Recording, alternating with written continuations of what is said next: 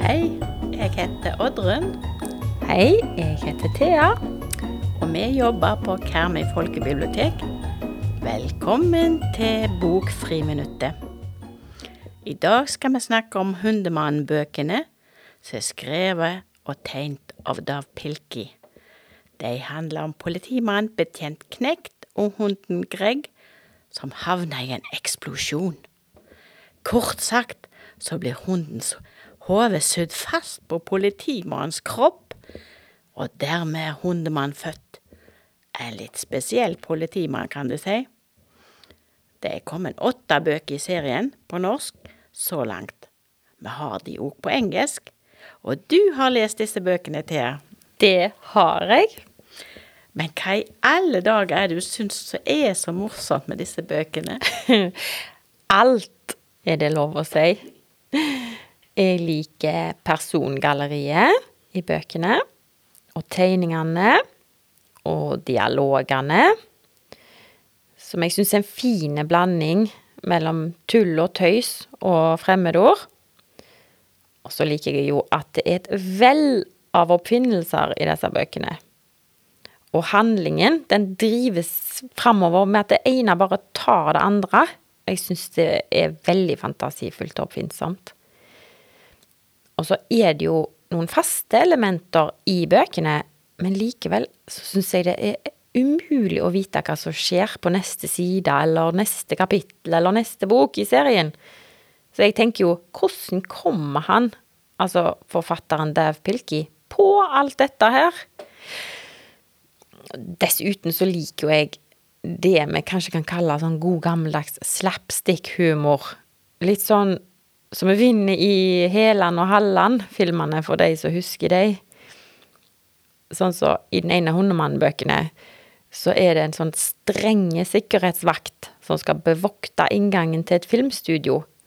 Men han ramler eller blir dytta ned i et sånn stort hull i bakken om igjen og om igjen og om igjen, og blir sintere og sintere og kommer med mer og mer kreative skjellsord for hver gang. Og jeg må bare si at sånn som det, det er min humor. Hundemann-bøkene er jo oppkalt etter Hundemann, men er det han som er den egentlige helten i Hundemann-bøkene, syns du? Ja, jeg skjønner jo hvor du vil hen. Jeg mener jo at det er en annen karakter som er den egentlige hovedpersonen som driver handlingen framover. Altså, hundemannen får jo òg ting til å skje. Men det er liksom mest med at han kløner tingene til å få det bare til å balle på seg. Men så er det jo en veldig søt eh, liten kattepus i disse bøkene òg. Jo, men det er jo også en veldig ond katt i Hundemann-bøkene. Petter. Ja, Petter, ja. Han og hundemannen er jo erkefiender. Og denne katten Petter, han stjeler og mobber og lager store, skumle monsteroppfinnelser. Så han havner jo veldig ofte i fengsel, da. For hundemannen får jo tak i han og arresterer han. Men det som skjer, er at etter hvert så finner denne onde katten Petter ut at han trenger en medhjelper som er like onde som han sjøl. Og derfor vil han lage en sånn kloning av seg sjøl. Men ut av denne klonemaskinen så kommer det jo selvfølgelig en bitte liten søte og utrolig snille kattunge. Vesle-Petter. Ja, det er sant. Og er det det Vesle-Petter du tenker på i helten i Hundemann-bøkene, da? Det er det. Ja, det er jeg nok enig i. Ja. Og vi er jo veldig glad i dyr, både du og jeg. Spesielt katter. Så det, det, akkurat det der er jo ikke så dumt. Men du liker ikke hundemannbøkene så godt, du, egentlig? Nei, for som sagt så er jeg jo veldig glad i katter. Så derfor liker jeg jo ikke at katten Petter blir framstilt som så ond. Men det hjelper jo litt på at Vesle-Petter er så søt og snill. Ja, det syns jeg òg er veldig bra. Men så er det jo et veldig godt budskap om katter i disse bøkene, når alt kommer til alt. Ja, det er jo for så vidt det. Men noe som jeg liker veldig godt, er at hundemannen leser bøker, og at egentlig alle dyrene leser, utenom den onde katten Petter, da. Ja. Så et av budskapene i boka er sikkert det at eh, man blir både klok og snill av å lese bøker. og, og, et annet budskap er òg at alle kan forandre seg. For det som er litt spennende med disse bøkene, er at det kan se ut som om de slemme kanskje kan bli litt snillere. Fordi kattungen Vesle Petter, han har troen på de.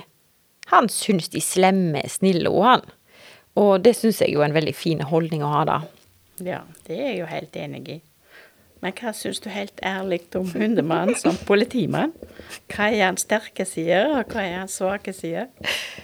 Og han har jo en hundehjerne, og han handler jo dessverre mye på instinkt. Eh, så når han ser et ekorn eller en ball, så blir han jo helt distrahert fra oppgavene sine.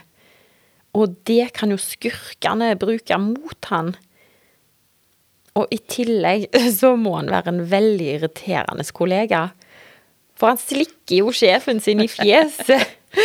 Sånn som en hund ofte gjør, men det er jo ikke sånn som en politimann skal gjøre. Nei, det er sikkert. Men hva er han god på, da? Jo, hundemannen er en veldig lojal venn. Og han er alltid glad for å se noen igjen, selv om det bare gikk fem minutter siden de så hverandre sist. Og så er det jo positivt at han kan dresseres, sånn at han blir flinkere til å ikke løpe etter ekorn når han er midt i en politijakt. Og så sånn som du nevnte, så leser han jo bøker, og det liker vi jo. Det liker vi veldig godt. Og du som hører på, kan låne bøkene om Hundemann på Karmøy folkebibliotek Vi har de både på norsk og engelsk.